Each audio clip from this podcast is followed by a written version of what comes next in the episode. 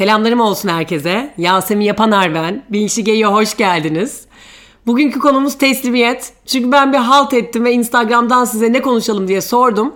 Ve sizlerden gelen konuları da potada eritince oklar teslimiyeti gösterdi gencecik yaşımda, çiçeği burnumda, daha kariyerimin bu kadar başında bu kadar kazık bir konuyu işlememin gerekmesi birazcık zorluyor beni. İnanın bütün hafta boyunca sana mı kaldı Yasemin hiç susmadı içimde konuşan.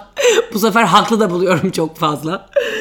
Çünkü teslimiyet aslında kitaplardan okuyarak, podcastler dinlenerek, orada burada konuşularak anlaşılacak bir konudan ziyade deneyimlenerek anlaşılacak bir şey. Onun için kapatın bu podcast'ı dışarı çıkın yaşamaya başlayın dermişim. Aşırı kötü marketing yapıyor kendine. Şaka şaka kalın burada deneyeceğim elimden gelen en iyisini yapacağım. Şimdi sizden gelen konular şöyleydi. İşsiz kalmak, hayata geç kaldığını sanmak, başarısız olmak, yaş almak, belirsizlik, ayrılıklar, teslimiyetle göt yaymak arasındaki ince çizgi gibi gibi konulardı. Şimdi tabii ki teslimiyet dediğimiz zaman Allah'a teslim olmak yani tevekkül, evrene teslim olmak, hayatın akışına teslim olmak ve güvenmek gibi yerlere gidiyoruz ama bence bunlara gitmeden evvel çünkü bunlar zaten kitapta yazan bilgiler. Bunlara gitmeden evvel yaşanması gereken bir şey var ve bunları yaşamadan hayatın akışına güven de gelmiyor bence. O da acının içinden geçebilmek ve canımızın sıkılmasına izin vermek. Bunu sık sık söylüyorum ama yine söyleyeceğim.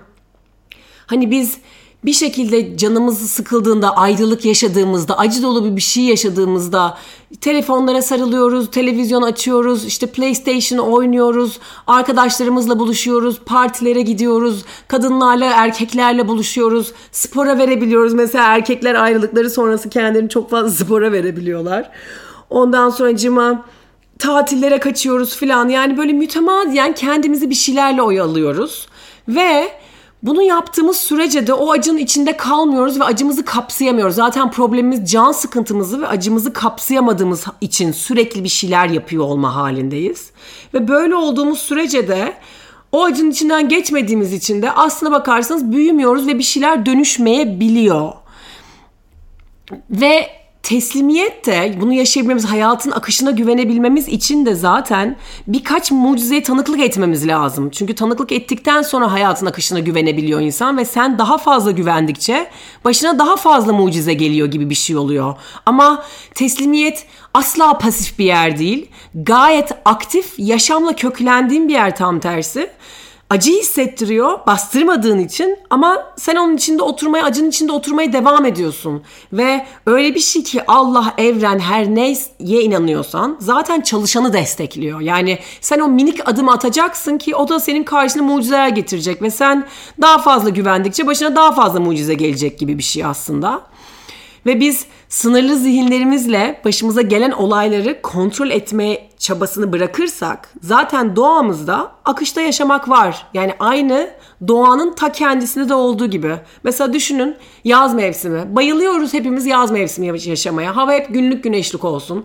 Sokaklara atalım kendimizi. İşte hep insanlarla birlikte olalım. Cıvıl cıvıl kakara kikiri. Tatillere gidelim, denizlere girelim yeşiller işte ağaçlar açsın, yapraklar yeşersin, çiçekler açsın filan. Hayat böyle günlük güneşlik olsun. Bir de bunun kış tarafı var ya ama hani evlere kapanıyoruz. Daha karanlığımızdayız aslında. Kendimize dönüyoruz. Daha iyi bakmamız lazım kendimize. Çünkü yoksa hasta olabiliriz. Kendimizle baş başayız biraz daha. Dışarıda arkadaşlarla daha az görüşüyoruz. Hava mesela yağmurlu ya da kapalı olabiliyor. Bu da bazılarımız kasvetli diyebiliyoruz filan. Bunlar aslında kış ve yaz mevsimi aynı bizim içimizde de olduğu gibi. Yani yazın açılıyoruz açılıyoruz ama kışın bir içimize dönmemiz, karanlığımıza bakmamız gerekiyor. O kasvetli dediğimiz havaların içinden geçmemiz gerekiyor ki yaz mevsiminde zaten geldiğimizde daha güzel açılalım saçılalım.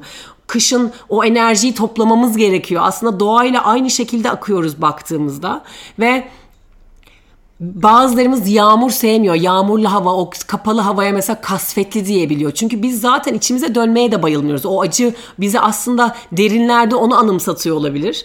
Ama biz eğer hayatımızda gök kuşakları olsun istiyorsak yağmuru da sevmek durumdayız. Çünkü yağmur yağmadan gök kuşağı zaten gelmiyor doğaya da baktığımız zaman ve biz sürekli günlük güneşlik olsun hava, hep hayatımız da öyle olsun, mutlu mesut yaşayalım istiyorsak demek ki aslında o yağmurlu havalarda dans etmenin yani yağmurlu havaları sevmenin hatta havalarda dans etmenin tadına hiç varmamışız demektir. Çünkü o tarafta içimizdeki o melankolik taraf da çok güzel. Çünkü onun yaşama izin vereceğiz ki zaten güneşli havaların kıymeti olsun.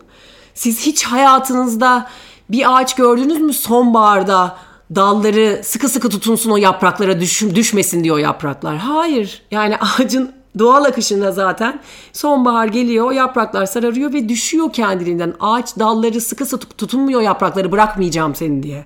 Biz tutunuyoruz ayrılıklarda. Biz tutunuyoruz başımıza bir şey geldiği zaman çok sevdiğimiz bir iş elimizden gidiyor olduğu zaman ona sıkı sıkı tutunmaya çalışıyoruz ya da biri. Halbuki doğal akışına zaten akması geç, geçmesi var ki sonra bahar gelecek ve biz yeniden açılacağız. Başkalarıyla açılacağız açılacağız aslında bakarsanız. Ve mesela bakın ağaçlara yine ağaçlar dışarıdan gövdesi mesela ne kadar büyükse aslında biliyorsunuz yer yüz, yer altına doğru giden de bir kökü var o ağacın ve o kadar kuvvetli kök, kökleniyor. Yaşama o kadar köklü bağlı aslında. Ve rüzgarlarla, sert fırtınalarla o ağaçlar kırılmıyorlar da böyle sağa sola doğru sallanıyorlar, esniyorlar. Çünkü aslında onun sağlamlığı sert duruyor olmasında değil esniyor olmasında yatıyor. Esneme payı var. Ve aynı bizim gibi biz de eğer başımıza acı dolu bir şeyler geldiği zaman onun karşısında sem sımsıkı durursak aslında o zaman daha çok acıtıyor canımızı o. Halbuki yumuşak durursak biraz daha yumuşak bırakırsak karnımızda o zaman daha az canımız acıyacak. Çünkü esneyeceğiz zaten. Mevzu bahis insana gelince doğada olduğu kadar romantik değil. Böyle anlatması çok şekerdi ama. Şincik acı dolu bir şeyden bahsedeceğim için nasıl size kahkaha attırtacağım, nasıl bu sefer güldürürken düşündüreceğim inanın bilmiyorum. Çünkü ben şahsen bu kadar böyle yani acı dolu bir şeyler yaşadığım zaman kahkaha atmak yerine kendimi yerden yere atıyorum. Eminim kahkaha atanlar da vardır acılarına yani daha öyle kucaklayanlar kahkaha atmak biraz ekstrem oldu ama hani ben öyle bir yerde değilim en azından. Şincuk Şöyle bir şey oluyor bizim zihnimizin yarattığı hikayeler var. İşte şu yaşına geldiğin zaman mesela evleneceksin, çocuğun olacak, ailen olacak. Efendim söyleyeyim şöyle bir işte çalışacaksın, şöyle bir evde yaşayacaksın, böyle tatillere gideceksin, şöyle bir araban olacak filan fişman gibi. Şimdi bizim bu hikayeleri sıkı sıkı tutunduğumuz zaman biz aslına bakarsanız bunun bu plan dışında gelişen herhangi bir şey olduğuna biz duruma bir şekilde teslim olamıyoruz. Onun için de zaten ayrılıklar bizi bu kadar yıpratıyor. Çünkü tutunmuşuz bir şey, bir şeye inanmışız ve bir yandan da hep şeyi düşünüyoruz. Yani o gittiği zaman da ama biz evlenecektik de bilmem ne olacaktı da vesaire olacaktı da filan fişman. Şimdi olay aslına bakarsanız evet hayal kur zaten. Çünkü o hayal kurmak çok güzel bir şey. Ama o hayal, hayale giden yol için çok sıkı bir plan yapma. Çünkü zaten planlarımız çöpe gidebiliyor. Gördük pandemide yapılan planlara ne olduğunu. Hayat bize tokat attı resmen. Çünkü aslında tabii ki o hayale gideceğiz bir noktada ama oraya gidiş yolu farklı olabilir ve biz sıkı sıkı yaptığımız zaman başka yollara o zaman kapı açmıyoruz ve o zaman acelemiz oluyor. Bizim istediğimiz olsun istiyoruz ve bizim istediğimiz her zaman bizim için en iyi olan şey olmayabilir. O noktada hayatın akışına güvenmek, Allah'a güvenmek aslına bakarsanız çok daha bizi güvende hissettiren bir şey. Bir yandan hayata geç kalmak, yaşlanmak demişsiniz. Aslında insan kendi üzerinde çalışıyor olduğu zaman ben kendimden örnek vereyim. Ben 4-5 senedir kendi üzerinde haldır haldır çalışan bir insanım.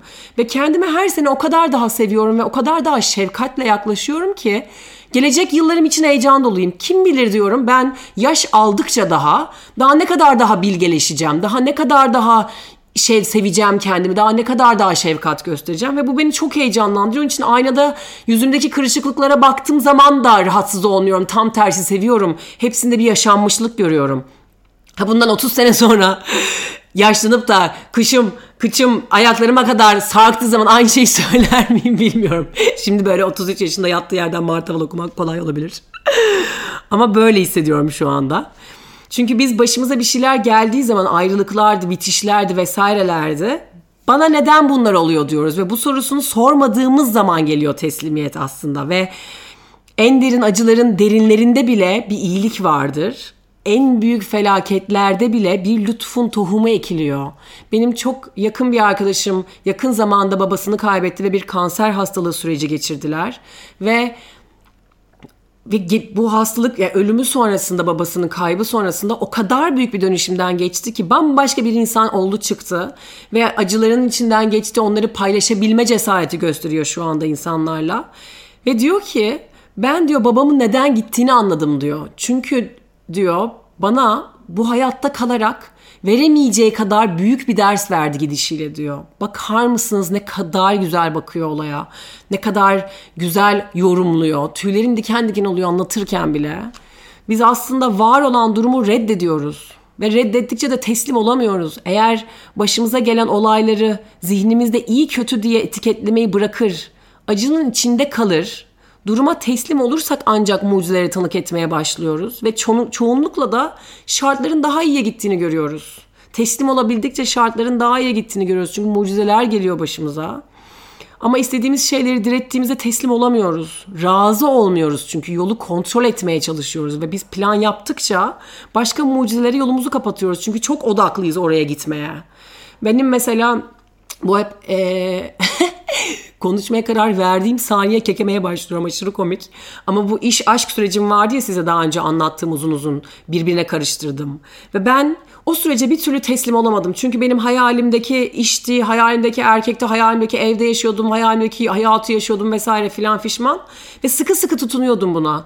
Ve bu benim hayatımdan gittiği zaman çünkü biz değişiklik zaten isteyelim ya da istemeyelim hayatımızda bir şeyler değişecek. Onun için zaten biz daha yumuşak dursak eğer daha sert durmazsak yumuşak durursak o değişiklikler bizim canımızı daha az acıtacaklar. Aynı ağaç gibi sallanabileceğiz o zaman esen rüzgarlarla. Ve ben o kadar daha sert duruyordum ki ben o değişikliği kabul etmediğim için o süreç benim için tokat gibi geçti. Çünkü değişiklik sen iste ya da istemede olacak, isteme olacak hayatında. Onun için ne kadar biz yumuşak durursak, ne kadar kabulde kalırsak, teslim olabilirsek sürece süreç vallaha da billaha da bizim için o kadar daha kolay geçiyor ve o sürece ben teslim olamadım ve çok zorladı beni süreç.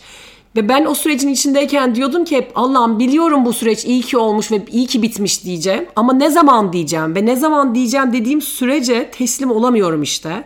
Ve ben o olay olmasaydı, o bitiş olmasaydı ben bütün bu dönüşümü yaşamayacaktım hayatımda. Ve bugün karşınızda oturup bunları anlatıyor olmayacaktım aslında. Ya da mesela bundan önceki evimde çok çok mutluydum o evde. Aşıktım evime. Bir takım problemler yaşıyordum ama yine de görmezden geliyordum. Ve bir gün su bastı evime. Tepesinden salonumun mutfağımın su yağmaya başladı. Ve ben ertesi gün eve geldiğimde, eve girdiğimde çıktım tabii ki evden. Eve geldiğimde dedim ki bu evde benim işim bitti. Saniyesine dedim hiç diretmedim yani. Ve o anda aplikasyonu indirdim ve bulduğum evde şu an bulduğum evde oturuyorum. Ve bu evi tarif ettim. Bu ev çıktı ve kapısından giren herkes diyor ki nasıl buldun böyle bir evi diyor. Diyorum ki yani iki dakika içinde. İlan o saniye çıkmıştı düşünün. Çünkü neden? Ben duruma karşı direnmedim değişikliğe karşı. Başıma gelen kötü bir olaya karşı. Ve çok sevdiğim anda, halde evi. Ve teslim oldum. Teslim olduğum halde iş sürecim ve aşk sürecim gibi bana tokatla geçeceğine süreç bana aslında şefkatle geçti. Bu kadar aslına bakarsanız olan.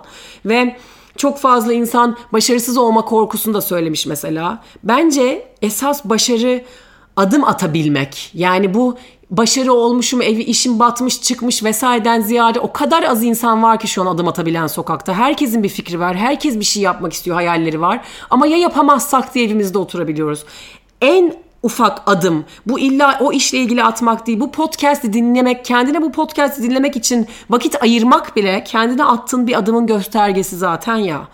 Çünkü burada konuştuğumuz konular derin konular. Demek ki sen bunları dinlemeye, bunları almaya hazırsın zaten aslında. Yani onun için atacağın kendine dair, herhangi bir şeye dair en minik adım bile aslında bir başlamak ve başlamaktan daha büyük bir başarı yok bence. Çünkü dışarıda çok fazla zeki insan var. Olay aslına bakarsan cesaretli insanlar arıyoruz biz. Asıl bas- başarı cesaretli olabilmek.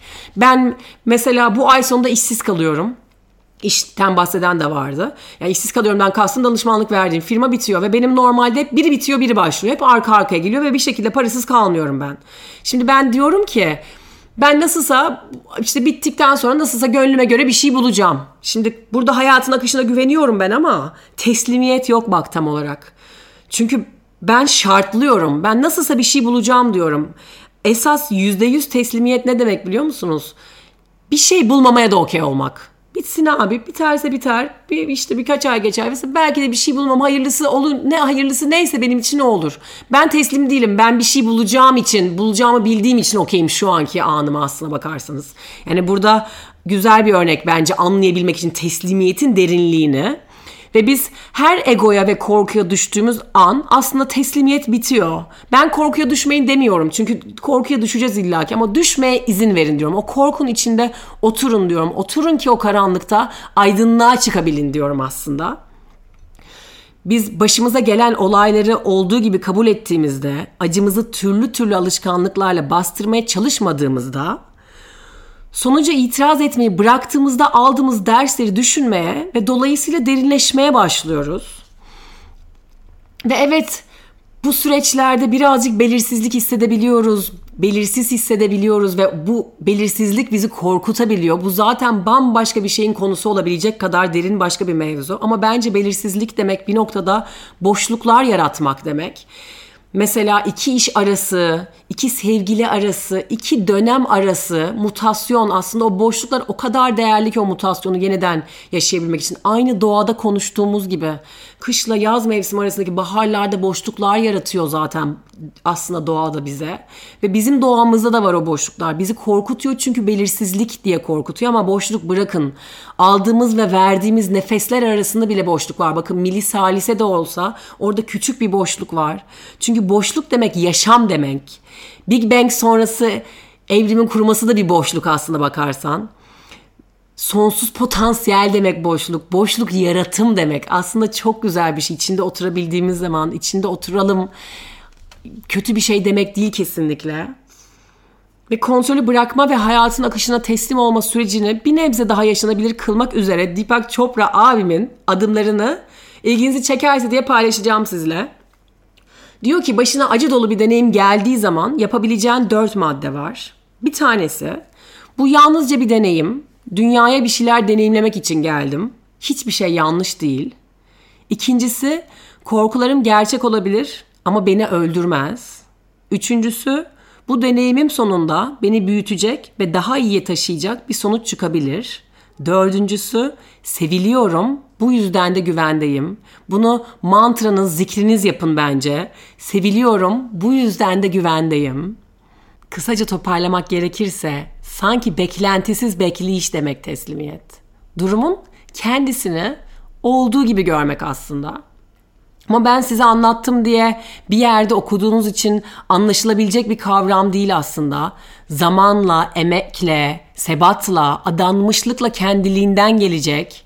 Teslim olayım ki başıma mucizeler gelsin kadar kolay da değil. Gene orada teslimiyet yok. Hatta anlamaya çalışmayı bırakmak ve bilmeden oturabilmek bile teslimiyet kavramın büyüklüğüne bakar mısınız? Anlamaya bile çalışmamak. Çok gerçekten çok büyük bir kavram.